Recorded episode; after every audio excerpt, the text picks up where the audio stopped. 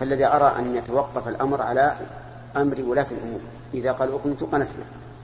وإذا لم لم يقولوا لا نقنت.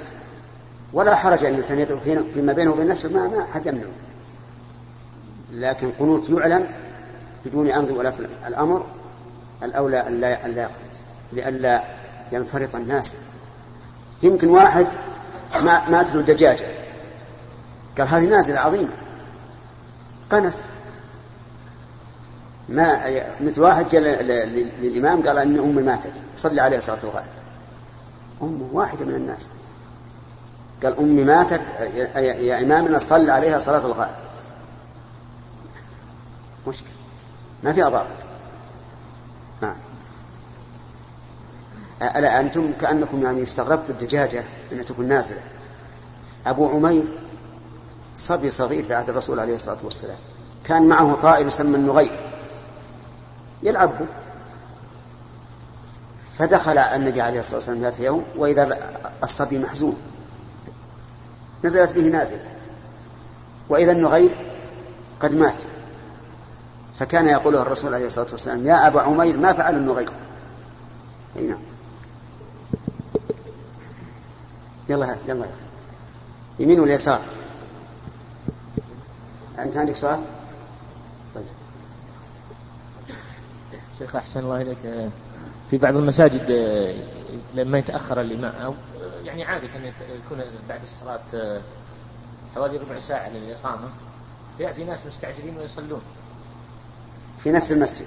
نعم يصلون جماعة لوحده أقول في نفس المسجد؟ نعم في نعم. نفس المسجد ما حكم بصلاتهم؟ هؤلاء لا يحل لهم أن يصلوا في المسجد قبل إمامه. فإن فعلوا فهم آثمون. ومن العلماء من يقول إن صلاتهم لا تصح. وهذا والقول بالتحريم واضح وقوي. لأننا لو فتحنا الباب لكن كل اثنين يجون يصلون. ويبقى الإمام اللي يجي إذا جاء الإمام ما معه إلا المؤذن. فهذا حرام ولا يجوز.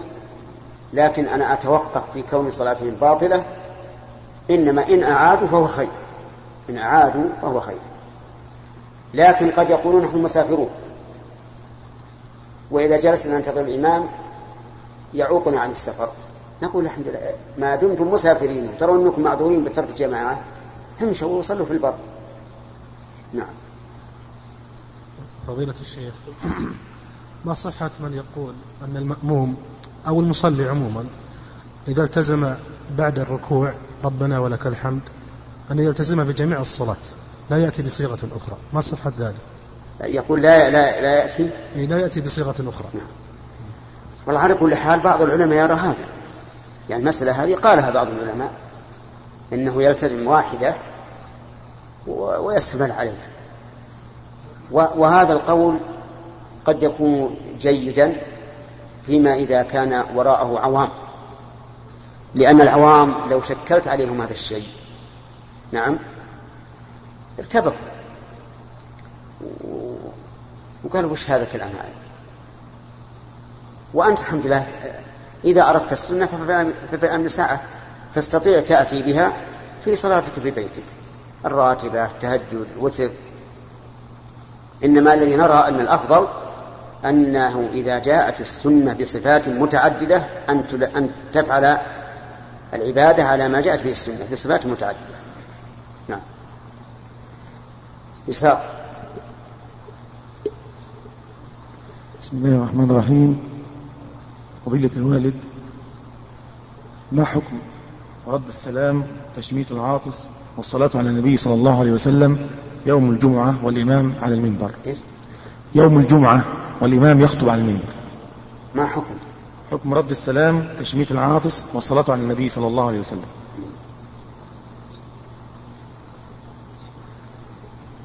كل هذا لا يجوز. لا تشميت العاطس ولا رد السلام على المسلم ولا الصلاة على النبي صلى الله عليه وسلم لكن الأخيرة تجوز إذا لم يكن في التشويش على الناس. لأن الأخيرة ما هي خطاب ولا ولا كلام آدم وإذا كان الرسول صلى الله عليه وسلم يقول إذا قلت لصاحبك أنصت يوم الجمعة والإمام يخطب فقد لغوت. وقلت أنصت ما هي عن منكر. وجعل النبي صلى الله عليه وسلم ذلك لغوا يعني أنه يفوت على الإنسان فضيلة الجمعة. فكل خطاب لآدم فهو حرام. وأما الدعاء والتأمين عليه فهذا جائز إذا لم يحصل فيه التشويش. نعم. تفضل. يمين. أحسن الله إليك. بالنسبة للثوم والبصل. نعم. آه، بعضهم يقول طبعا جاءت الأدلة بالنهي عن أكل أكل هذه الشجرتان والذهاب إلى المسجد. بعضهم يقول أنا أستعمل معجون الأسنان أو آكل الهيد وأذهب وتذهب الرائحة فما حكم ذلك؟ هو البصل والثوم والكراث كله حلال. لأن الصحابة لما قالوا إنها حرمت قال النبي صلى الله عليه وسلم ليس بي تحريم ما أحل الله. لكن من أكلها فإن كان يقصد بذلك أن لا يصلي مع الجماعة فهو آثم ولا يسقط عنه إثم الجماعة. ومن أكلها لغرض أو لاشتهائيها فلا إثم عليه. ونقول له لا تذهب للمسجد ما دامت الرائحة موجودة. أما إذا ذهبت الرائحة فلا بأس. اذهب إلى المسجد. نعم. بسم الله الرحمن الرحيم. فضيلة الشيخ ما حكم قتل الحيوان مع تفصيل وما ضابط الإيذاء إيش؟ ما حكم؟ قتل الحيوان مع؟ تفصيل ها؟ قتل الحيوان. الحيوان مع تفصيل وما ضابط الإيذاء الحيوان ينقسم إلى ثلاثة أقسام وأعني بذلك ما ليس بحلال. الذي حلال هذا معروف يذبح ويؤكل لكن غير الحلال ينقسم إلى ثلاثة أقسام. القسم الأول ما أمر الشرع بقتله والثاني ما نهى عن قتله والثالث ما سكت عنه. كم هذه؟ ثلاثة. أما ما أمر الشارع بقتله فاقتله. ومنه قوله صلى الله عليه وسلم خمس فواسق يقتلن في الحل والحرم الغراب والحدى والعقرب والفارة والكلب العقور هذه الخمسة وما كان فيها بمعناها في الأذية أو أشد منها هذه مأمور بقتلها لما فيها من الأذية.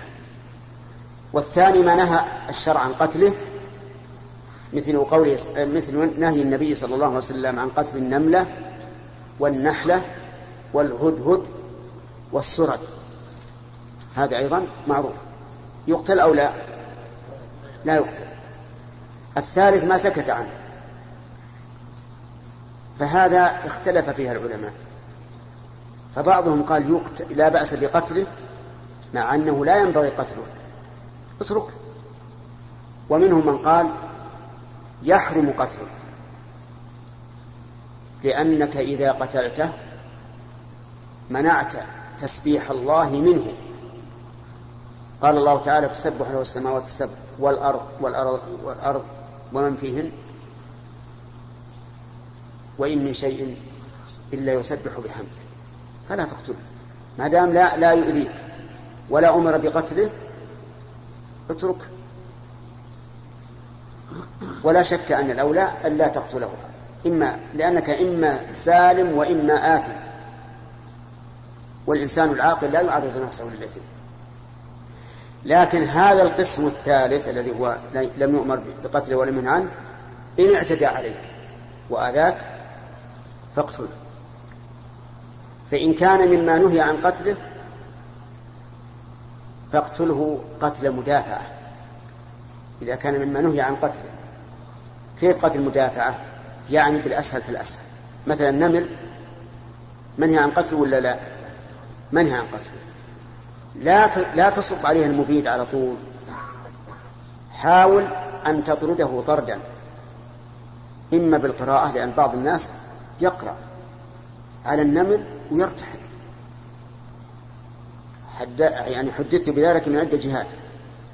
وإما بشيء يكره رائحته ويرتحل. وقد جربنا ذلك بالغاز. تعرفونه؟ طيب. صب الغاز عليه وخلاص يرتحل. ما يأتي. لكن المبيد الذي يقتله على طول لا تفعل لأنه منهي عن قتله وما نهي عن قتله فإن قتله يكون قتل إيش؟ قتل مدافع. نعم عرفت يا أخ سائل؟ طيب بعده. فضيلة الشيخ يوجد عند بعض الناس عادة حيث يصلي قبل إيش؟ الأذان إيش؟ عادة. نعم. حيث يصلي قبل الأذان دائما فما حكم ذلك؟ هذا لا يستقيم. مثلا أذان المغرب لا يجوز أن يصلي قبل قبل الأذان. لأنه وقت نهي. وقت النهي لا تجوز فيه الصلاة إلا لسبب. مثلا يريد أن يصلي مثلا قبل مجيء الإمام يوم الجمعة. قد يكون هذا قبيل الزوال. قبيل الزوال منهي عنه أن الصلاة فيه إلا لسبب. فهذا في بعض الأحيان لا يمكن أن يصلي لأنه حرام. وأما إذا كان في أذان ليس قبله وقت نهي فاتخاذ ذلك عادة يعني أنه سن سنة. ولا يجوز أن يسن الإنسان سنة إلا بإذن من الشرع. نعم. فضيلة الشيخ جزاكم الله خيرا. هل يقاس على جواز السبق بالنصل؟ آه، جواز السبق في السلاح مثل كالبنادق الهوائية مثلا. هنا جو- جواز السبق ولا السبق؟ لا. السبق يجوز. إلا في المحرم. والسبق هو الممنوع إلا في ثلاثة أشياء. لأن السبق هو العوض. والسبق هو التقدم. السبق على الأقدام جائز ولا لا؟ السبق على الأقدام. والسبق غير جائز. السبق غير جائز والسبق جائز. إذا السبق في ثلاثة أشياء في النصر والحافر والخف. وما كان بمعناها فهو مثلها. فالبنادق الآن والصواريخ وغيرها مثلها. في عهد الرسول ما في إلا السهام لكن الآن تطورت ال- الأسلحة. أي سلاح؟ فإنه يجوز المسابقة عليه بعوض. كذلك أيضا الدبابات والطائرات الحربية وناقلات الجنود كلها يجوز فيها السبق. يجوز فيها السبق. هنا. بعده. يجوز للإمام ليطول التكبير في الصلاة. أي نعم. يعني يطول في بعض في بعض ويقصر في بعض. هو على كل حال ما نقول إنه حرام. يعني بعض الناس اذا اذا إذا كبر للجلوس تجد التكبيرة تختلف عن عن القيام مثلا. هذا ما ما نقول إنه حرام. لكن نقول إن السنة أن لا تخالف بين التكبير. وما علمت أحدا من أهل العلم قال إنك تخالف بين تكبير السجود والجلوس والقيام. لا ما رأينا أحد.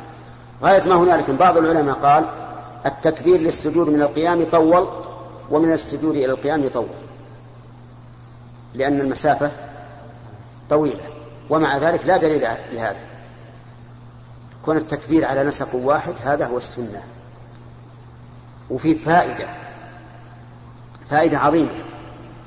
للمأمومين الذين إذا دخلوا في الصلاة ساروا في الأرض. ليش؟ لأنهم إذا علموا أن التكبير ما في خلاف يعني ما في اختلاف شدوا أنفسهم والواحد أحضر نفسه أحضر قلبه لئلا يقوم الإمام جالس أو يجلس والإمام قائم. أما إذا كان يمشي على تكبير الإمام صار كالآلة.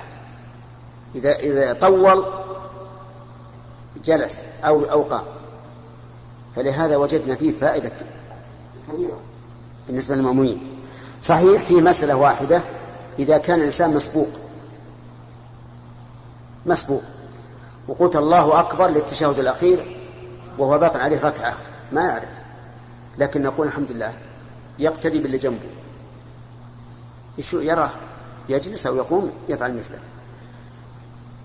لكن إذا كان إذا مرت بك آية سجدة مثل تصلي صلاة العشاء ومرت بك آية سجدة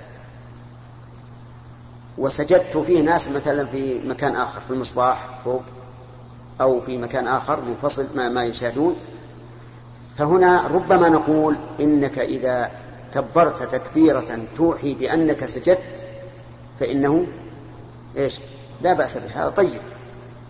أحيانا يقرأ الإنسان مثلا وفيه نساء في مكان آخر. يقرأ السجدة إذا كبر على المعتاد يظنه إيش؟ يظنون أنه يظن أنه أنه, أنه راكب. فهذه ربما نقول لا بأس أنك تمد التكبيرة ليعرف أنك ساجد. نعم. فضيلة الشيخ بعض الناس يذكرون أن سبب كون لحم الإبل من نواقض الوضوء قصة وردت عن الرسول صلى الله عليه وسلم وهي أنه كان مع أصحابه قبيل الصلاة فأحدث أحدهم فقال الرسول صلى الله عليه وسلم أيكم أكل لحم إبل فليتوضأ سترا عليه؟ فما صحة هذه القصة. هذه قصة باطلة يا أخي. باطلة. والرسول عليه الصلاة والسلام يستطيع أن يقول من أحدث فليتوضأ. والصحابة عندهم من الصراحة ما لا يخشون معه الاكتفاء. ثم إن الرسول سئل سؤال أنا أتوضأ من لحوم الغنم؟ قال إن شئت. قال أتوضأ من لحوم الإبل؟ قال نعم. فليس هذا السبب. هذا سبب غير صحيح. السبب أننا أمرنا أن نتوضأ منها فنقول إيش؟ سمعا وطاعة. رخص لنا في لحم الغنم فنقول الحمد لله. أما الحكمة فبعض العلماء يقول الحكمة من ذلك أن الإبل خلقت من الشياطين كما جاء في الحديث. والشيطان يؤثر على البدن. ولهذا إذا غضب الإنسان انفعل. والغضب منين؟ من الشيطان. هذه اللحوم تؤثر على البدن والماء يبرد البدن ويهون عليه كما أمر الإنسان عند الغضب أن يتوضأ. فهذه من الحكمة. فإن كانت هذه الحكمة فهي ظاهرة وإن لم تكن فعقولنا أقصر من أن تدرك حكمة الله تعالى في أحكامه. ثم إني أقول لطلبة العلم إن عائشة رضي الله عنها سألتها امرأة قالت يا ما بال الحائض تقضي الصوم ولا تقضي الصلاة؟ ليش؟ أجابتها بجواب يقتنع به كل مؤمن. قالت كان يصيبنا ذلك فنؤمر بقضاء الصوم ولا نؤمر بقضاء الصلاة. هذه الحكمة. كل أوامر الله ونواهيه كلها حكمة. مع أن عائشة بإمكانها فيما أعلم فيما أظن يعني. أن تقول قضاء الصوم لأن الصوم لا يتكرر. في العام مرة واحدة. والصلاة تتكرر. والحيض يأتي غالبا في كل شهر مرة. فلو أمرت الحائض أن تقضي الصلاة لكان فيها تعب عليها. إذا قدرنا أنه ممن يحيض خمسة عشر يوم ويطلق خمسة عشر يوم معناه مشقة عليه. هذه من الحكمة أنها أن الصلاة تتكرر فقضاؤها شاق وفي تكررها استغناء عن القضاء وأما الصيام فلا يتكرر. نعم. بعده الله إليك أنا دخلت مع الإمام في الصلاة. في بعد التشهد الثاني وبعد يعني وسجد سجد السهو سجود السهو. وأنا لا أعلم أنه نسي أو قام أو جلس. فهل هل أسجد معه أو أثبت مكاني؟ أنت مسبوق ولا مع الإمام؟ لا مسبوق. مسبوق. نعم. دخلت معه بعد التشهد الثاني. يعني في الركعة الثالثة. وسهى الإمام. وسجد قبل السلام ولا بعده؟ قبله. قبل السلام أسجد معه لابد إذا إذا سجد الإمام قبل السلام أسجد معه على كل حال. فإن سجد بعد السلام فإن كان السهو الذي حصل منه قبل أن تدخل معه فلا سجود عليه. وإن كان بعده فإنك إذا قضيت صلاتك تسجد للسهو. هنا نعم. بعده إيه. فضيلة الشيخ حفظك الله آه، هل يجوز اللعب بالطيور والحيوان بالنسبة للأطفال استدلالا لحديث عمير؟ نعم. يجوز أن أن يعطى الطفل طيرا أو نحوه يلعب به أو هرا يعني قطا يعني بسا نعم. يلعب به لكن بشرط أن لا يؤذيه. فإن كان يؤذيه فإنه لا يمكن منه. نعم. قد تموت. قد تموت. لكن أنت إذا إذا رأيته يعذب هذا الحيوان امنعه نعم. شيخ بارك الله فيك. رجل سافر إلى بلاد أجنبية فخاف على دينه وعلى من الزنا وخاف على من الشهوة. فأراد أن يتزوج بنية أنه يطلقها إذا رجع إلى بلاده. ولكن لا يشترط هذا في العقد عقد الزواج. هل هذا الزواج باطل؟ هذا بارك الله فيك فيه خلاف بين العلماء. بعضهم يقول النكاح غير صحيح لأن المنوي كالمشروط. فكما أنك لو قلت للزوجة أتزوجك ما دمت في المكان في البلد فهو حرام ونكاح متعة فكذلك ما نويته. لأن النبي صلى الله عليه وسلم قال إنما الأعمال بالنيات وإنما لكل امرئ ما نوى. وبعض العلماء قال لا بأس به لأن الإنسان يتزوج المرأة بنية أنه يطلقها إذا إذا رجع إلى وطنه ولكن يرغب فيها ولا يطلقها. وعندي أن ذلك لا يجوز من ناحية أنه غش للزوجة وأهلها لأنهم زوجوها على أساس أنها تبقى معه. لو علموا أنه يريد أن يطلقها إذا رجع البلد ما زوجوه.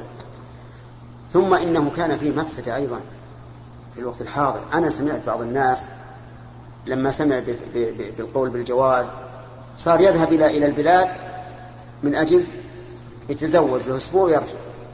هذا زنا واضح. والعلماء الذي ذكروا خلاف ما هو يريدون هذا يقول غريب. جالس في الوطن للعلم أو للتجارة. ما قدم للوطن ليتزوج قدم لغرض.